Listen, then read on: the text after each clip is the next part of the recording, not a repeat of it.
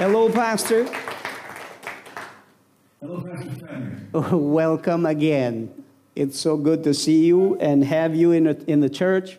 So we all are ready. Amen. Amen, amen. Well, are we ready to begin and get in the Word? A jeni gati që të fillojmë të shkojmë drejt tek fjala? Yes, they are. Amen. Amen. Let's pray. Le të lutemi. Father, we come to you in the holy name of Jesus. O Atë, Thank you for your anointing, helping us to hear and understand your Word. We thank you for anointing our eyes, our ears, our hearts. Change us, perfect us, equip us, and may we be changed into your image for your glory. Father, I ask you to bless this beautiful Albanian church and Pastor Fatmir and Ms. Silva. Father, bless the audio team and the technology team, and bless the saints of God that have assembled tonight. I ask you, Lord, to help, help me minister accurately from your word on these critical stages of Christian growth. Bless our time, I ask. In Jesus' name, amen. amen. Kështu që Amen. rëndësi ka ta ketë gjuati.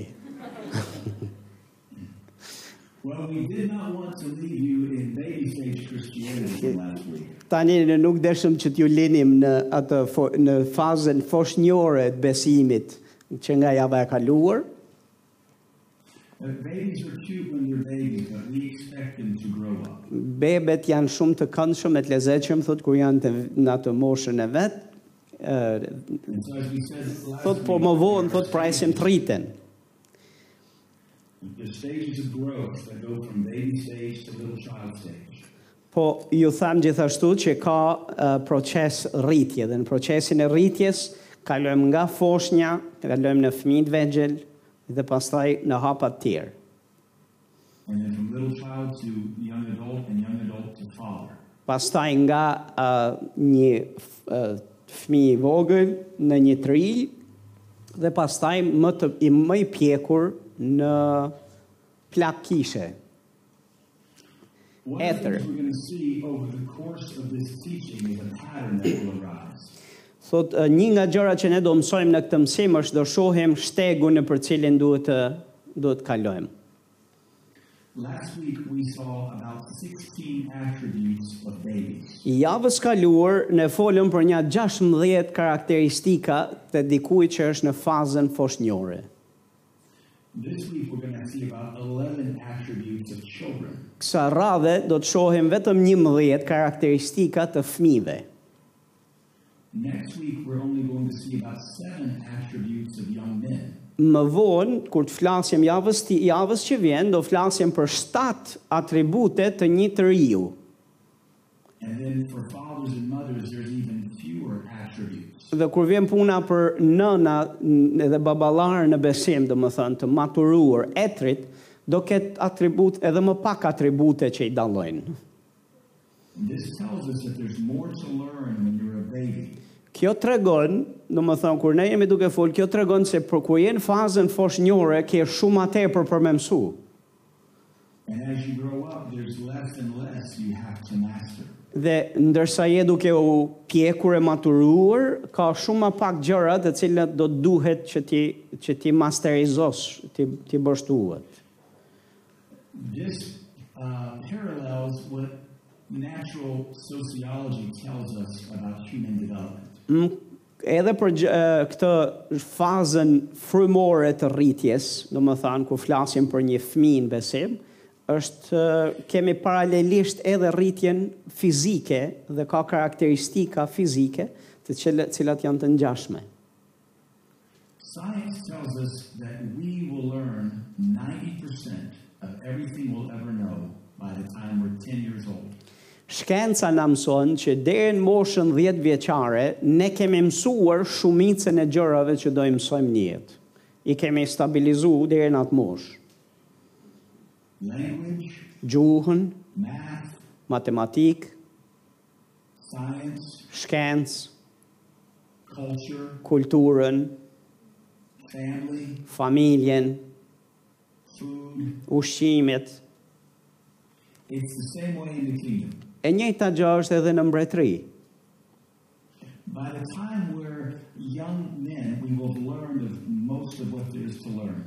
Kur të bëhemi, ë, do më thënë që hymë në rini, shumicën e gjërave i kemi mësuar tashma. But the New Testament's emphasis on babies and little children also tell us on one more thing. Kur, ë, në Bibël, kur flitet për foshnjat edhe për fmit e vegjel, na mëson edhe për një gjë tjetër. It tells us that most Christians will live and die and never advance beyond that stage of Christianity. Na tregon se ka shumë të krishterë të cilët li- lindin dhe jetojnë dhe nuk kalojnë, nuk rriten për te këtyre dy fazave, fazës foshnjore apo faz, fazës fëmijëve. Very few Christians will advance beyond little child stage into young man stage. Shumë pak uh, fëmijë uh, kalojnë në fazën e qenit i ri në besim, paktën, do të thonë në fazën e rinisë. And even less will go on to mother or father in the faith. Edhe shumë më pak gjithashtu që mund të kalojnë në nivelin tjetër që është i qenit një qenit etër. This should not be our testimony. Dhe kjo nuk duhet të jetë dëshmia jonë. We should desire to one day be fathers and mothers in the faith. Ne duhet të dëshirojmë që një ditë ne të jemi uh, një baba apo një nën frymërore. But that takes a hunger for God and a desire to be selfless. Uh, kjo tregon që të jesh i i uritur për Perëndin edhe të dhe të kesh mu- mungesë, të kesh mungesë egoizmi nga ana jote. Kështu që ne do jemi duke folur për këto karakteristika të gjitha fazave. So, are you ready for the attributes of little children? A jeni gati për të dëgjuar për atributet e fëmijëve të vegjël? Yes. Are you ready to grow up? A jeni gati të rriteni? Amen. Amen. Let's turn to Galatians chapter 4. Le të shkojmë te Galatasit, kapitulli 4. This will be our first two verses, and we're going to get three attributes from these verses. Janë dy vargje të cilat ne do i shohim këtu, dy vargjet e parë dhe aty do të shohim tre aspekte të një fëmije të vogël. Now, remember, the Galatian church had backslidden. E mbani mend kisha e Galatasve ishte tërhequr mbrapsht, mbra, kishte bërë hapa mbrapa në besim.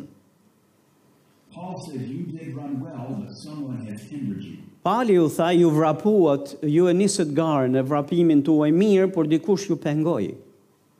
They were on a trajectory to advance, but they had fallen back to being a child. Ata ishin në trajektore për rritje dhe progres, por bën hapa mbrapa dhe mbetën fëmijë. And we need to make sure that does not happen to us. Dhe ne duhet të sigurohemi që një gjë e tillë mos të na ndodhë ne. Verse 19 Vargu 19. My little children, of whom I travail in birth again until Christ be formed in you. Thot djemtë e mi që unë i lind përsëri derisa të formohet Krishti në ju. I desire to be present with you now and to change my voice, for I stand in doubt of you. Thot do të doja ta shti, thot të isha midis jush dhe ta ndryshoja tingullin e zërit tim, sepse jam ndërdyshas nd- ndaj jush. The big problem with the Galatian church is that they had lost their identity in Christ. Problemi i madh i kishës së Galatasve është se kishin humbur identitetin e tyre në Krishtin. Zbu, këtë zbule se kishin humbur.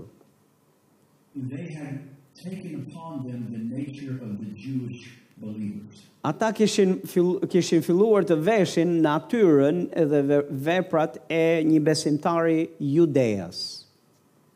They began to change from a Christian flavor to a Jewish flavor. Dhe k- kishin ndryshuar, kaluar nga një, nga një besimtari krishterë me këtë shije në një besimtar judeas me ato shije. And this gives us our first attribute of children in the faith. Dhe këtu shohim atributin e parë për fëmijët në besim. Little, ch- here's, our, here's our first point. Ja ku është pika jonë e parë. Little children are easily influenced by whomever they are around. Fëmijët e vegjël influencohen shumë nga njerëzit që kanë për rreth. Nga kushdo që kanë për rreth, influencohen shumë. Lehtë. Immature Christians adapt to whoever they are around. ë besimtarët e pamaturuar adaptohen me në me çdo që janë aty për rreth e rrotull. Çdo që kanë për rreth. My children are 10, 7, and 4. Fëmijët e mi janë njëri 10 vjeç, tjetri ë sht- ë, 8 vjeç, tjetri 4. I have to be careful who I let them play with because that will change how my children behave. Duhet jemi kujdesshëm me kë i le të luajnë sepse kjo në bën që ata të ndryshojnë sjellje. And that's because they're still developing. Dhe është thjesht sepse ata janë akoma në zhvillim dhe rritje, janë në këtë fazë. Children are like a sponge without control. They just absorb every flavor. fëmijët thot janë si puna e sfungjerit, të cilët janë absorbojnë ose ma, uh, do më thënë, thithin gjdo gjë vese pa filtra. And Paul had to pray that Christ would be formed in the Galatian church again. Dhe Krishtit i desh, eh, më falni, palit ju desh që të lutej për sëri, derisa Krishti të formohej në ta. So, what this tells us is little Christians quit acting like Christians very easily. Qëfar na tregon kjo? Na tregon që besimtarët që janë në fazën e fëmis në besim, shumë letësisht mund të heqin dorë dhe të ndryshojnë sjellje. Në më thanë, letësisht njëherë ishe kështu, pastaj më njëherë mund të shohësh në krahun tjetër. That brings us to our second attribute. Kjo na sjell ne tek atributi i dytë. Little children forget what family they belong to. Fëmijët e vegjël harrojnë se ku, kush është familja të cilës i përkasin. They lose their identity very easily. E mund ta humbasin identitetin e tyre ose përkatësinë e tyre shumë lehtë. This is a great frustration for pastors. Dhe për pastorët, ky- ky thot është një frustrim shumë i madh. Is that right, Pastor Fatmir? Yes, it is. Yes. So what we try to do as pastors is grow the saints up past this. Kështu që çfarë përpiqemi të bëjmë si pastor është që ti rrisim besimtarët ta kapërcejnë këtë fazë. Verse 20 says this, I stand in doubt of you. Thot vargu 20, thot un jam ndërdyshas n- eh, ndaj jush. The Greek says, I am perplexed by you. Uh, fjala greke thot jam i uh, dyshas, kështu e kemi ne. Jemi me dy me jam me dy mendime ndaj te, ndaj jush. And this brings us to our third attribute. Dhe kjo këtu na çon tek atributi i tretë. Little children do things that make mature Christians shake their head. Thot uh, f- fëmijët e vegjël thot bëjnë në besim bëjnë veprime dhe sjellje që kur i shohin të maturuarit ose kur i kuptojnë, thot i bën hmm, po kjo, më thënë i bën që të jenë që të tundin kokën, në më thënë besimtarët e, e rritur. We, we can't help but ask, what were you thinking? What Well- are you thinking? Do më thënë, ajo që na shkon mend është, po kur e bëre këtë ose vendov folje kështu, po qa kishe në mendje, mor vlla? Në qa të bëre i të mendosh që të bësh kështu? And what do the children always say? Po qa thonë fëmijët zakonisht kur i ti u thua këto? Qa kishe në menje pse e bëre këto? I don't know. Se di.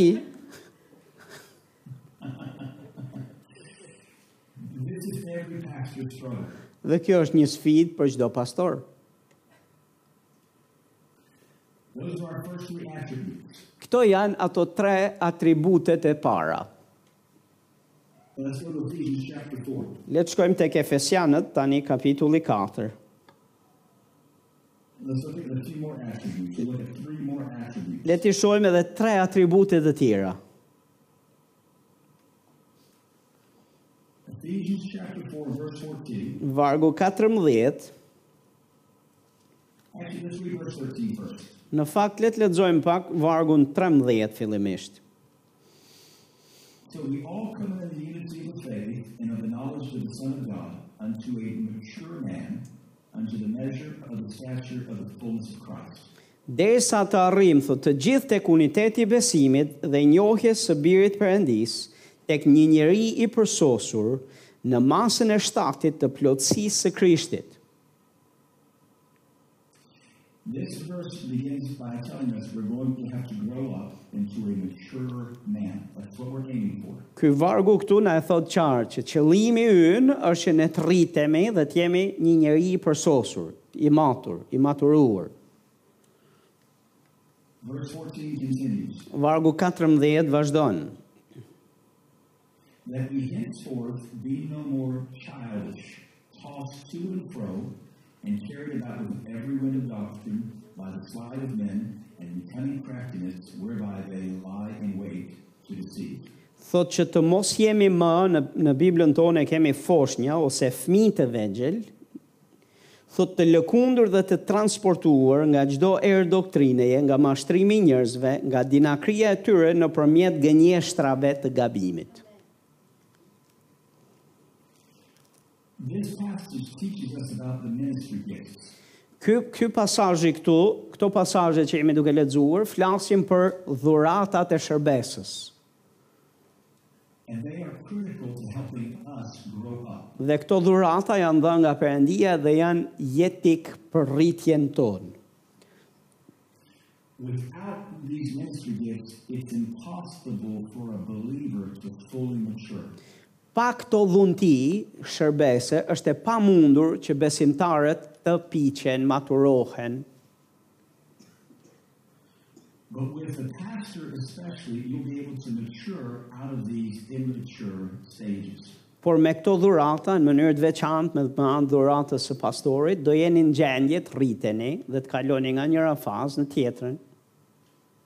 Of the five ministry gifts, it is the pastor that most acts like a father.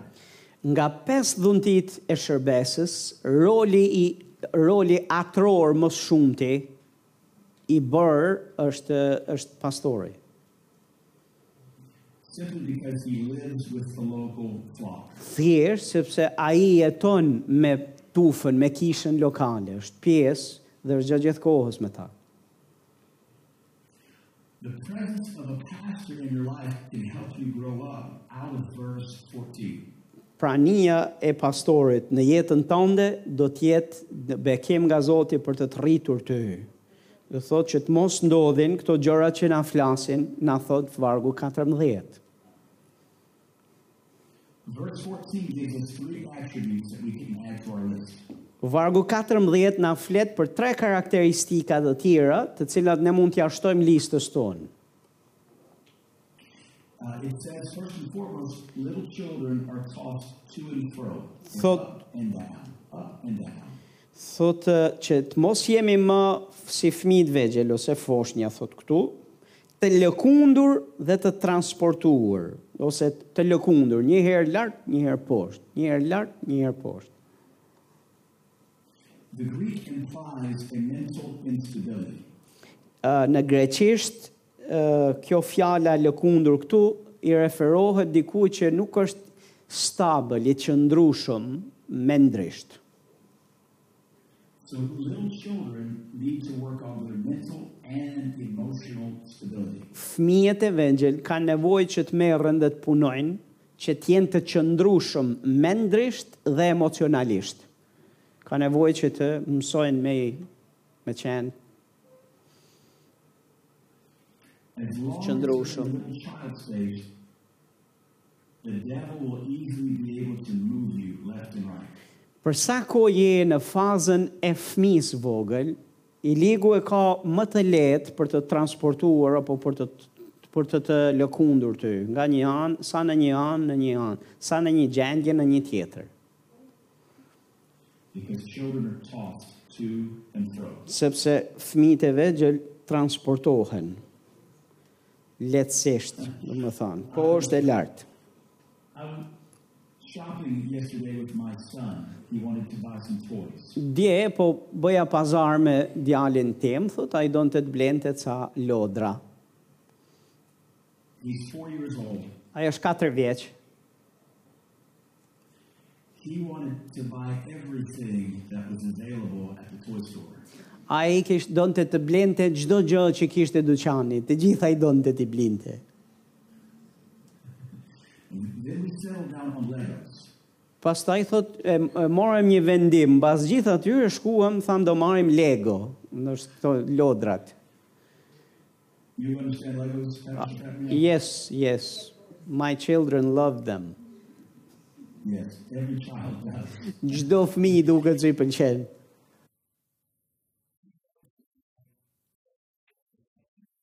Dhe kur mor- morëm vesh që do marim, do japim Lego, do marim Lego, tha, okej, dua të gjitha Lego që janë këtu. And I told him, you have to pick one. We can only buy one. I thash nga gjitha këto Lego që janë këtu, du të marrësh veç një palë, veç një, në më një Lego. And so he just he decided on one Lego set. Kështu që më e mori vendimin që do merte një loj Legoje që ishte në dyqan. Six different times. Gjasht herë rjesht, do më thënë, zgjodhit merte një herë këtë, një herë atë, një herë këtë, një herë atë me pak fjalë. Ju deshtën gjasht herë të marrë vendime. Because he's a child and he's tossed to and fro. Dhe për shkak sepse është fëmijë, ai është i lëkundur, lehtësisht i lëkundur. Një herë dua këtë, pastaj dua këtë. It requires a father to help him make the best decision. Dhe ai ka nevojë për babain në krah që ta ndihmojë që të marrë vendimin më të duhur dhe të mirë për veten.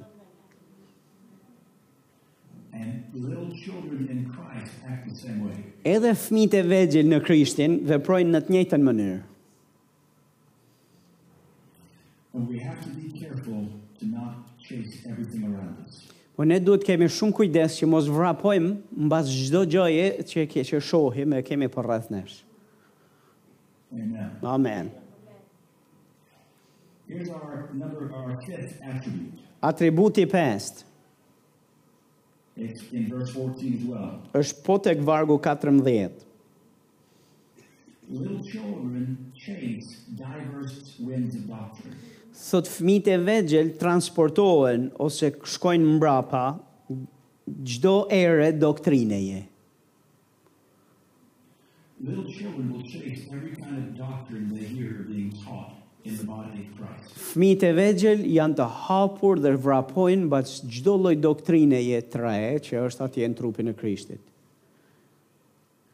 And this is because they don't have their own doctrine established yet. Dhe arsyeja pse është sepse akoma nuk kanë formuar doktrinën e tyre një herë brenda vetes, nuk janë stabilizuar se çfarë besojnë vetë. Little children easily get bored with their pastor's doctrine. Fëmijët e vegjël shumë lehtësisht mërziten me doktrinën e pastorit tyre. And they want to chase something new they've heard on television or on Facebook. Dhe i- janë shumë më të prirur që lehtësisht të ndjekin doktrinën e dikujt tjetër në Facebook apo në televizion apo diku tjetër. My own children will watch television and try to teach it to me like it's truth. Fëmijët e mi thot, shohin ai emision në televizor thot dhe më kthehen thot dhe përpiqen të më mësojnë mua sikur është ajo çka kanë dëgjuar ata është e vërteta. They don't know where Hollywood stops and reality starts. Ata nuk e kuptojnë se ku është ku ndalon Hollywoodi dhe ku hyn realiteti. The other day, my son was trying to teach me about volcanoes. Dje thot, djali im thot, u ule dhe po më mdonte të më mësonte mua për vulkanet. He is four, Ai është 4 vjeç. and I'm a geologist. Unë thot jam gjeolog me profesion. This is like the baby Christian Kjo- trying to teach the pastor kjo how to është- run the church. është njësoj thot ka si një bebe në besim, ose më falni si një fëmijë i vogël në besim, që përpiqet të mësoj pastorin se si duhet ai ta drejtoj kishën. The children wanted to tell the pastor, Pastor, I saw something on Facebook. Fëmijëve ju pëlqen të vinë te pastori dhe thonë, "Pastor, kam parë një gjë atje në Facebook." I know what we need to do for God. I just saw it on Facebook. E di se çfarë do të bëjmë me kishën tonë, çfarë do të bëjmë për Perëndin, sepse sapo e pash në Facebook. And a wise pastor knows he cannot steer his church based on Facebook. Dhe një pastor i, i menqër uh, në Zotin, thot, e di që kisha nuk mund të drejtohet nga ndikimet e Facebookut. But little children don't know that yet. Po fëmijët e vegjël thot nuk e dinë akoma këtë. But that is an example of a little child being tossed with every wind of doctrine. Po e thash thjesht për të treguar si shembull që fëmijët e vegjël lehtësisht transportohen ose uh, ndikohen nga çdo lloj erë doktrineje. Amen. Amen. Little children do well to trust their parents. Fëmijët e vegjël bëjnë mirë që të besojnë edhe të mbështeten tek prind- prindrit e tyre. Amen. Amen. Verse six. Numër 6. Verse 14 says, Little children are easily carried away by deceivers. Thot eh, ndikohen nga mashtrimi i njerëzve lehtësisht. Te vargu 14 na thot për këtë atribut tjetër. When we as pastors lose saints, we rarely lose mature saints. Kur ne n- si pastor na ikin njerëz nga kisha dhe i humbasim, thot nuk parandodh të humbasim besimtarë të maturuar dhe të pjekur. It's usually the little children who are stolen from us. Zakonisht kush vidhet dhe hi- largohet prej vidhet nga kisha ose largohet janë fëmijët e vegjël. The little babies trust us with everything. Bebet e vogla thot ose fëmijët e vegjël thot na mbështeten e besojnë tek ne me gjithçka. The mature saints have learned to trust us and submit. Ndërsa fëmijët e vegjël thot, më falni, ndërsa të pjekurit thot kanë mësuar që duhet të nënshtrohen dhe të besojnë. But it's the Christians who are still children who think they know how to run things better. Por fëmijët e vegjël thot që ja- besimtarët që janë fëmijë të vegjël thot mendojnë se tani ata dinë t'i bëjnë gjërat vetë dhe më mirë. And these are the ones that are led astray by deceivers. Dhe këta zakonisht lehtësisht uh, mund të mashtrohen nga njerëzit ose nga gënjeshtarët. Amen. Amen. It should encourage us to pray that we grow up. Kjo duhet na inkurajojë ne që ne të rritemi. All right, let's turn to 1 Corinthians 13. Le të kthehemi tek uh, Korintasit 13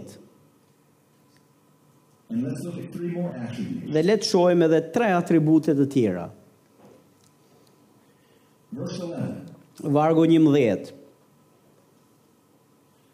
Paul said, When I was a child, I spake as a child, I understood as a child, I thought or reasoned as a child. But when I became a man, I put away childish things. Kur isha fëmijë, thot, flisja si fëmijë, mendoja si fëmijë, arsyetoja si fëmijë, kur u bëra burr, i flaka gjërat fëminore. Here we see three clear attributes of childish believers. Edhe këtu shohim tre atribute të tjera të një fëmije në besim. We see it in the natural and we see it in church. Këtë gjë e shohim në në fizikisht, në të natyrshmen, po edhe në kish është e njëjta gjë. If you're taking notes, this will be number seven. Nëse jeni duke marrë shënime, kjo që do të them është numër 7.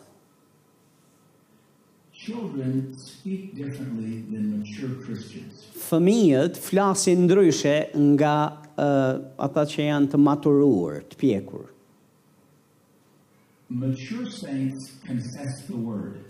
thot uh, ma, uh, besimtarët e pjekur rrëfejnë fjalën e Zotit. Little children whine and complain. Fëmijët e vegjël gojen e kanë mos shumëti për të qarë dhe për të ankuar. Mature saints have speech free from dirty talk.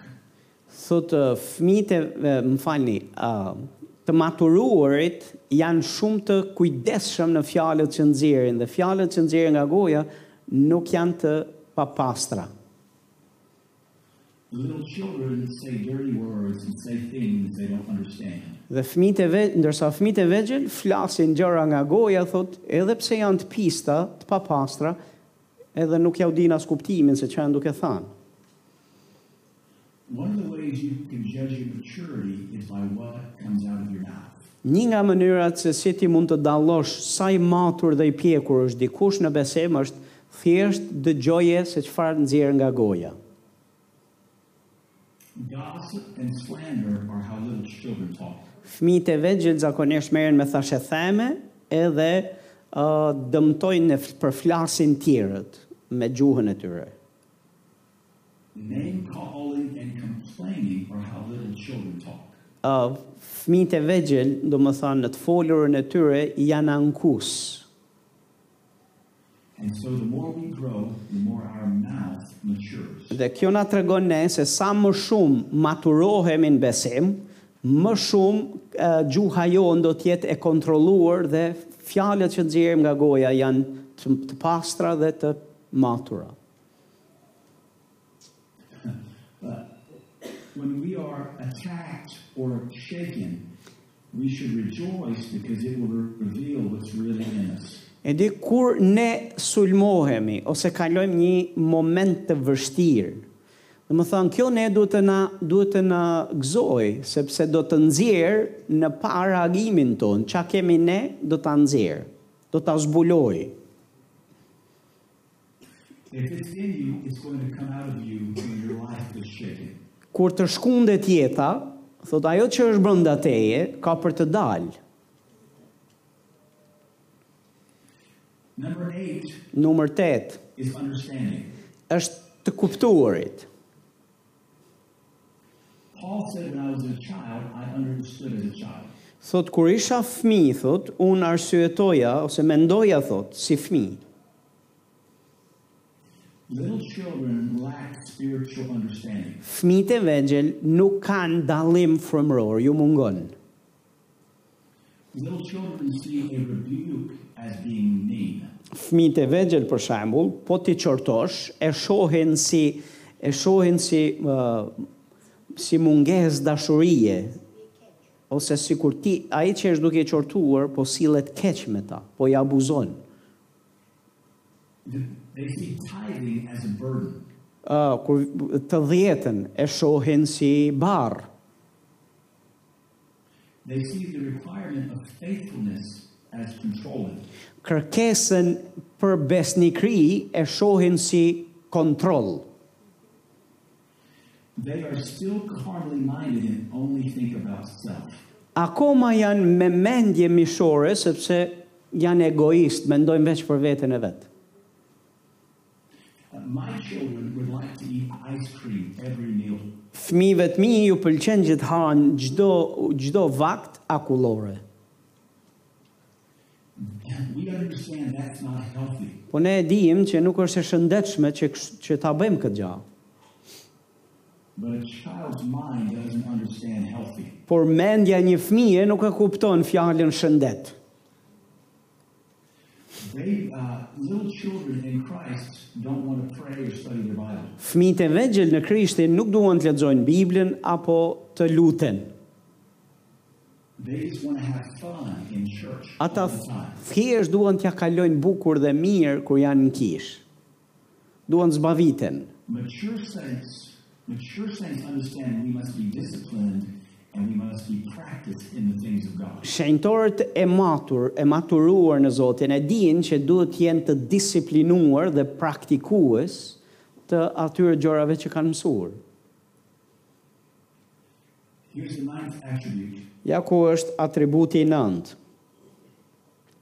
Paul said, When I was a child, I reasoned as a child. Thot, kur isha fmi, arsyetoja, thot, si fmi. Immature Christians have immature reasoning. Thot, uh, besimtarët që janë, uh, që janë të papjekur, do të, ak- do të kenë arsyetim të papjekur. The, the childish Christian gets offended very easily. Zakonisht një, f- një fmi, të vogël, një fmi i vogël ofendohet shumë letë. Offense is evidence of immature reasoning. Ai që ofendohet letë, kur ofendohet dikush letë, është tregus që ai është i papjekur frymërisht.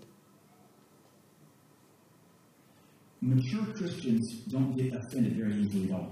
Bezim, besimtarët e pjekur nuk mund t'i ofendosh letë. There's no reason to get offended. Se s'ka asë një arsye në fakt për t'u ofenduar.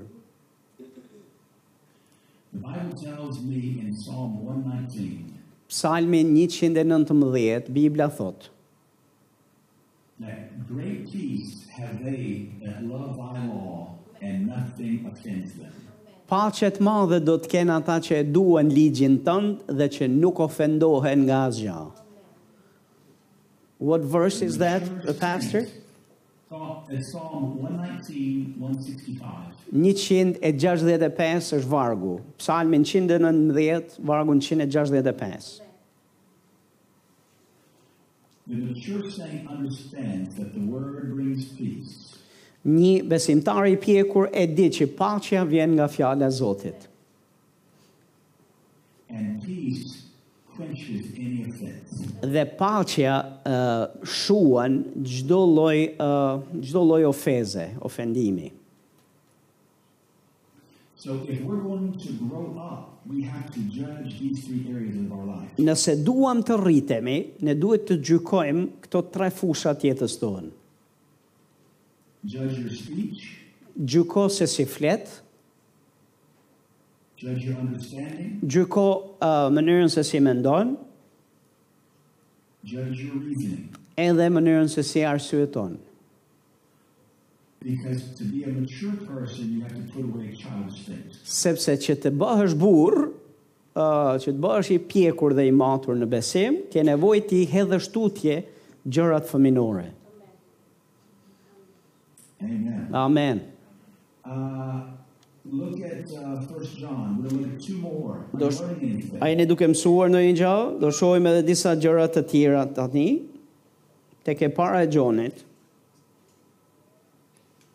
1 John chapter 3, kapitulli 3, e para e gjonit, kapitulli 3,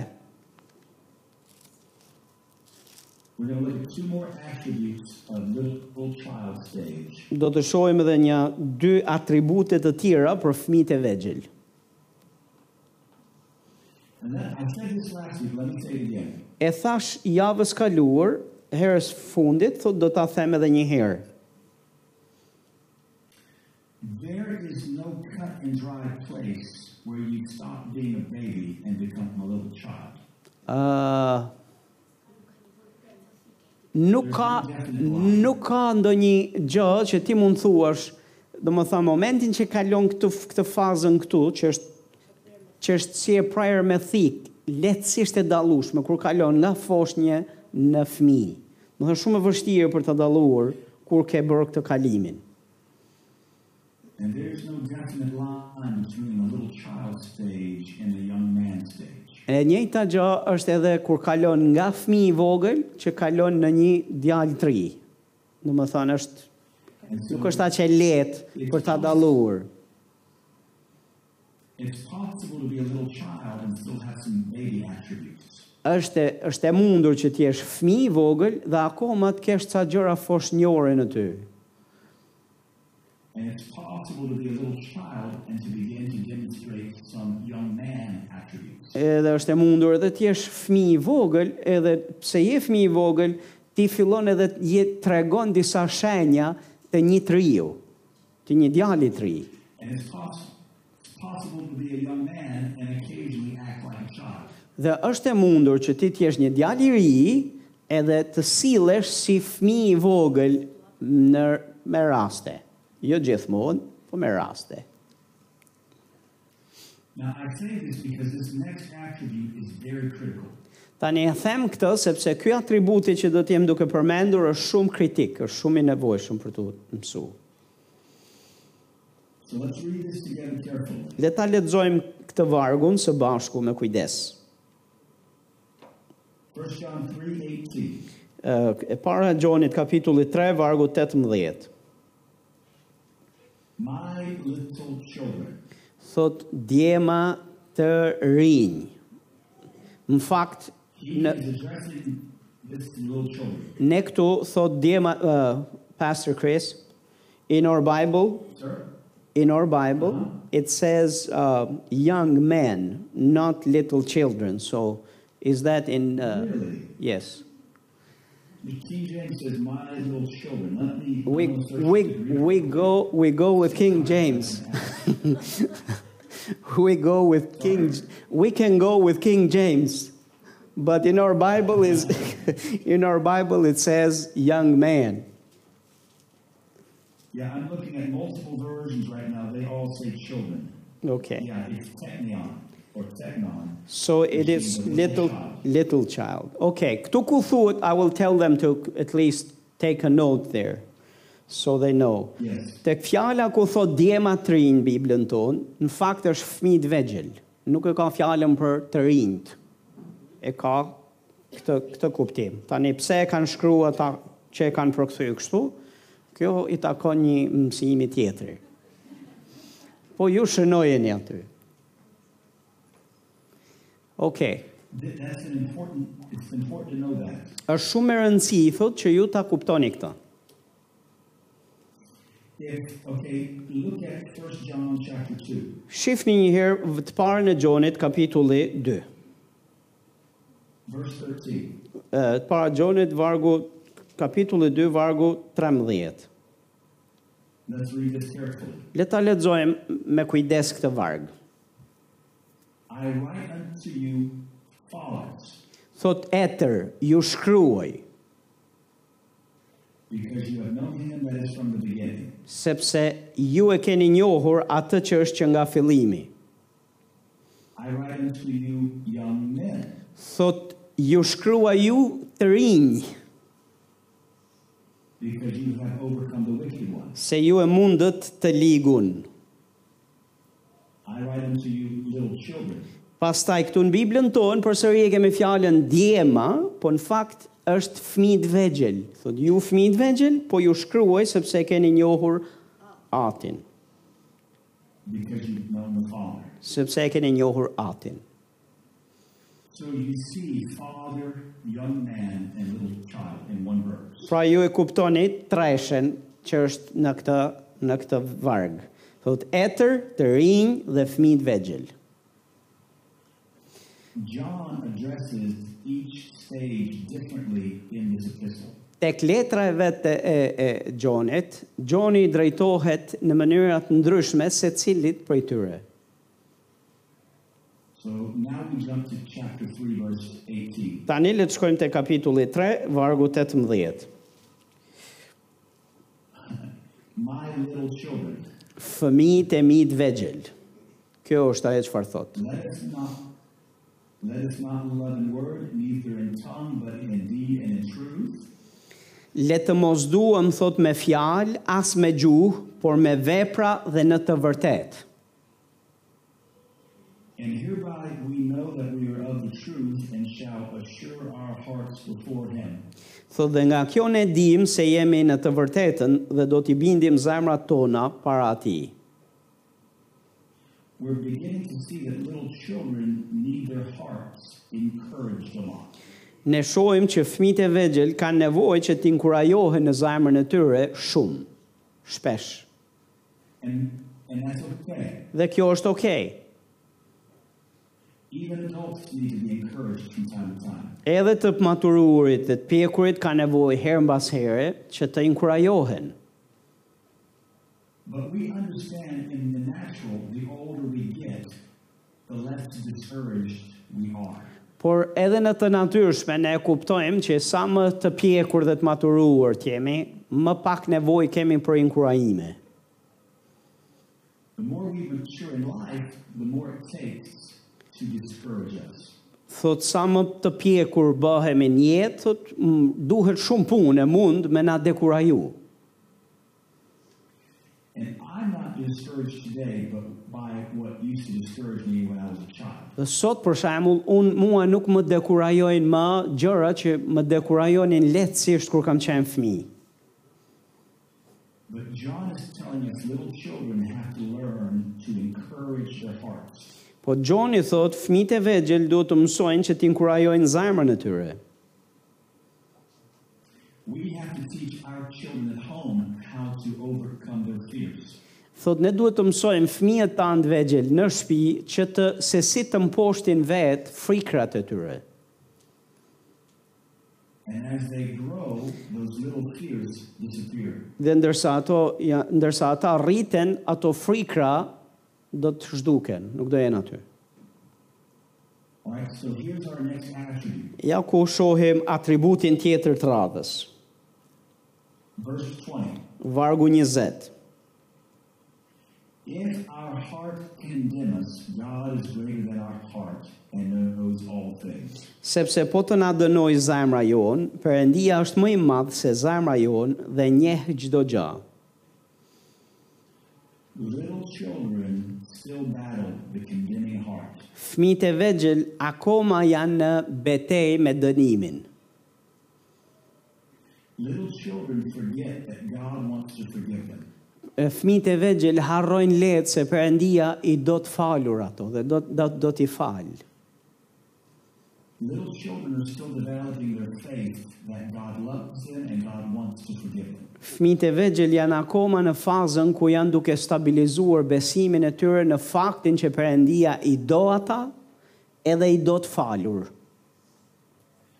This is one of those attributes that once you master it, you can tell you've crossed over into the young man, young woman stage. Kjo është një nga ato atribute që kur dikush e masterizon e bën pjesë të veten dhe nuk e ka më problem, kjo është faza ku unë besoj thot kalon nga faza e fëmijës vogël në një djalë të ri ose në një të ri. Young men and fathers still sin, but condemnation does not swallow them up. Një ri edhe një një uh, etër i maturuar në besim, edhe ata mund të më, më katojnë, por nuk i gëlltit dënimi, nuk i ndikon dënimi deri në atë pikë sa do të humbasin. Remember what Romans 8 1 says Mbani mend çfarë thot Romakët 8 vargu 9? There is therefore now no condemnation for those in Christ. Uh, uh, vargu 1 në fakt. Thot nuk ka pra më dënim për ata që janë në Krishtin. For those who walk after the Spirit, Sep- and not according to the flesh. Për ata që ecin sipas frymës dhe jo sipas mishit. Amen? Amen. It's often easier for us to tell the stranger God loves them and God forgives them than it is for us to believe it for ourselves.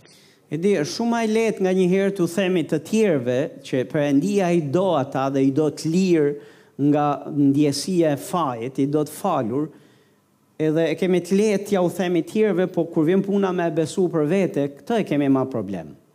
Më vështirë. Amen. Amen. All right. Në rregull. You ready for the last act? You ready for the last attribute of, of little children? A jeni gati për atributin e fundit e të e, e kësaj fazës uh, fëmijës vogël? This is number 11. E ky është numri 11. 1 John chapter 5, E para e Gjonit kapitulli 5, verse 21. vargu 21. Little children. fëmijët vegjël. Did you say little children, Pastor? It says young young man, but uh, we already clarified that. So any place we find that that term, they know what we're talking about, which is very clear. Më këtu ku thot djema, e ka fjalën për fëmijët vegjël. Do të thonë, kështu që nëse e bëni shënim aty në Biblën tuaj do ju ndihmonte. I'm checking, uh, yeah, it's technion, it's, it's a little child. It's the same in Greek as the other verse. Në po ta shohësh në greqisht, është e njëjta fjalë që që i referohet fëmijëve të vegjël. So John doesn't say fathers or young men. Ë, Gjoni nuk thot as etër dhe as djema të ri ose o- ose ju të rinj. Nuk flet për ta He këtu. directs this, he directs this final commandment to little children. Këtë urdhres këtu ja drejton, ja adreson fëmijëve të vegjël. He says, keep yourselves from idols. Çfarë thot ruajeni veten nga idhujt. And this commandment perfectly sums up what makes a child a child. Dhe ky urdhrimi këtu në fakt përmbledh çfarë e bën një fëmijë të vogël, fëmijë të vogël. Children are children because they have immature and misplaced affections. Fëmijët e vegjël janë fëmijë të vegjël sepse janë të pamaturuar dhe afeksionet dhe dëshirat e tyre lehtësisht ja u japin e, gjërave të gabuara. An idol isn't just a statue, Një idhull nuk është vetëm një statuj, it's anything you chase other than Jesus. por është gjithçka që ti shkon mbas me pasion nëse e, kur nuk është Jezusi. Në vend të Jezusit. Children will chase, children will ch- chase this tomorrow and that the next day. Fëmijët e vegjël vrapojnë një herë me pasion mbas një gjoje, sot edhe nesër mbas një gjoje krejt tjetër. Children love church while they're there, and then they love the world when they're in the world. Kisha ju pëlqen shumë e, fëmijëve kur janë atë ditë në kish, ndërsa kur janë në botë ju pëlqen bota. A little child must learn to be faithful to Jesus at all times, in every place, and in every situation. Fëmijët e vegjël kanë nevojë të mësojnë besnikri ndaj Jezusit gjatë gjithë kohës, pavarësisht ku janë. Amen? Amen. All right, with what time we have left, let me give you 12 quick things children forget. Në këtë pak kohë që kemi, do të më lini t'ju jap 12 gjëra që një fëmijë i vogël lehtësisht i harron. And this is all in 1 John. Dhe këto i shef të gjitha tek e para e Gjonit. John has to tell little children over and over again don't forget. Gjonin ti e shef që në letrën e vet ju thot mos harroni, fëmijëve të vegjël, mos harroni, mos harroni. All right, 12 things, real fast. 12 gjëra shumë shpejt. Little children, Fëmijët e vegjël, remember not to sin. fëmijët e vegjël mos harroni që të mos më katoni. Remember, don't sin. Mr- Mbani mend, mos më katoni. Number two, Numër 2, remember Jesus is our advocate. mbani mend, Jezusi është avokati yt. Number three, Numër 3, remember your sins are forgiven. mbani mend, f- eh, mëkatet tuaja ju janë falur. Number four, Numër 4, remember it is the last days. mbani mend, jemi në ditët e fundit. Number five, Numër 5, remember there are antichrists. mbani mend që ka antikrist. Number six, Numër 6, remember to abide in him. mbani mend që të qëndroni në Krishtin. Number seven, Numër 7, remember that people want to deceive you. mbani mend që ka njerëz të cilët duan t'ju gënjejnë. Number eight, Numër 8, remember that love is an action not just a word. Mbani mend, dashuria është vepër, jo vetëm fjalë. Love is an action, not just a word. Dashuria është vepër, jo vetëm fjalë. Number nine, Numër 9. remember to speak to your heart. Mbaj mend që të inkurajosh zemrën tënde ose ti flasësh zemrës tënde. especially when it wants to condemn Në you. mënyrë të veçantë kur ajo do të të dënojë ty. Speak to your heart. Fliti zemrës tënde. We don't just speak to mountains, we don't just speak to storms, we don't just speak to demons, we don't just speak to trees, we don't just speak to sickness, we speak to our heart. Ne nuk i flasim vetëm stuhive, maleve, djallit, ë, pemëve, po i flasim edhe zemrës tonë. Amen. Amen. Number 10, Numër 10. remember that you are of God. Mbani mend se ju jeni prej Perëndis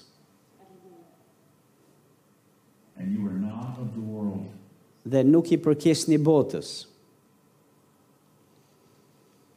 Number 11, Numër 11.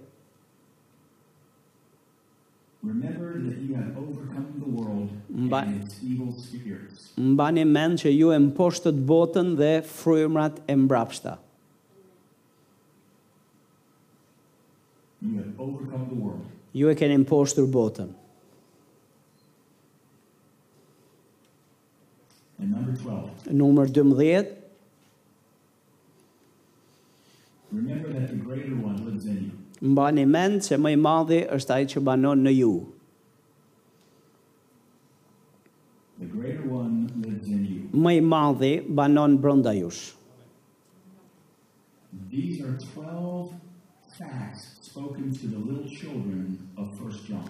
Këto janë 12 fakte të cilat tek letra e Gjonit ju drejtohen fëmijëve të vegjël që të mos i harrojnë.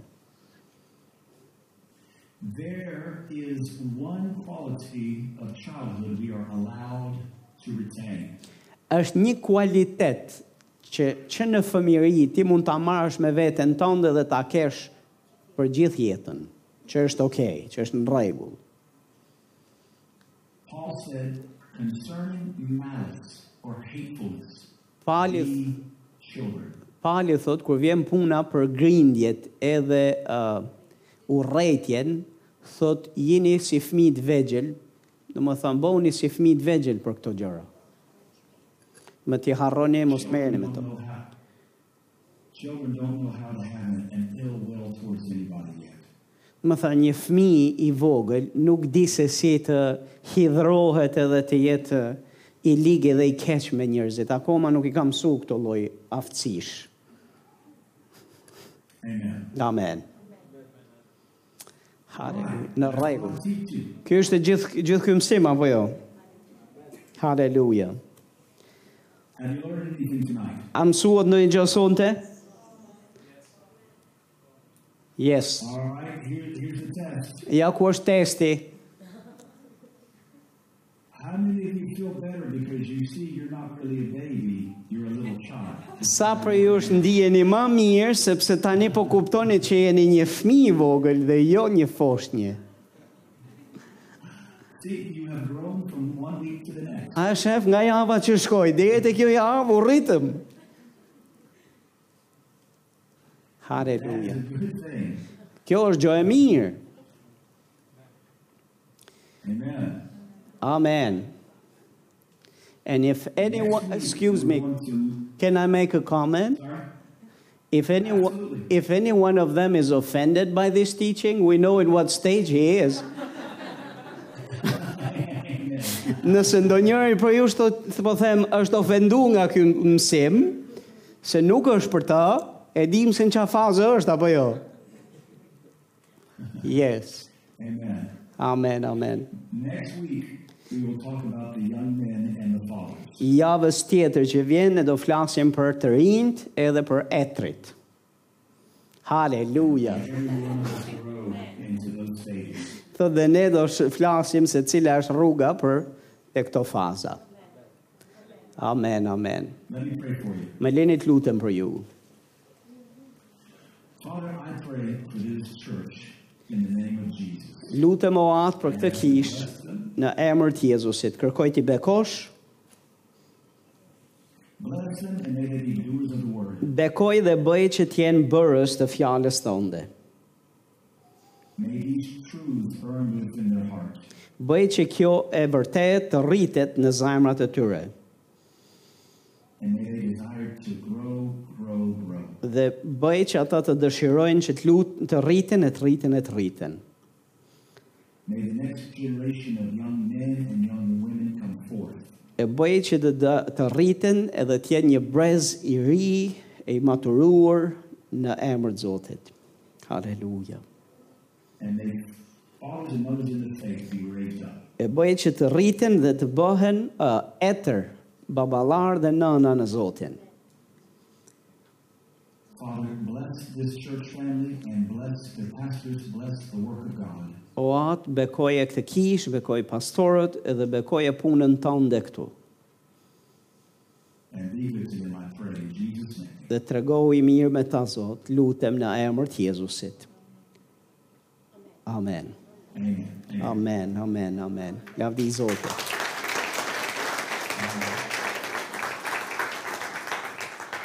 Thank you, dear friend. I bless you all. We bless you. Thank you so much. We are going to look forward to the next stages, and you are a huge blessing to us.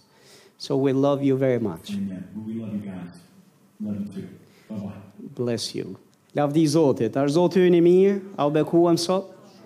Haleluja.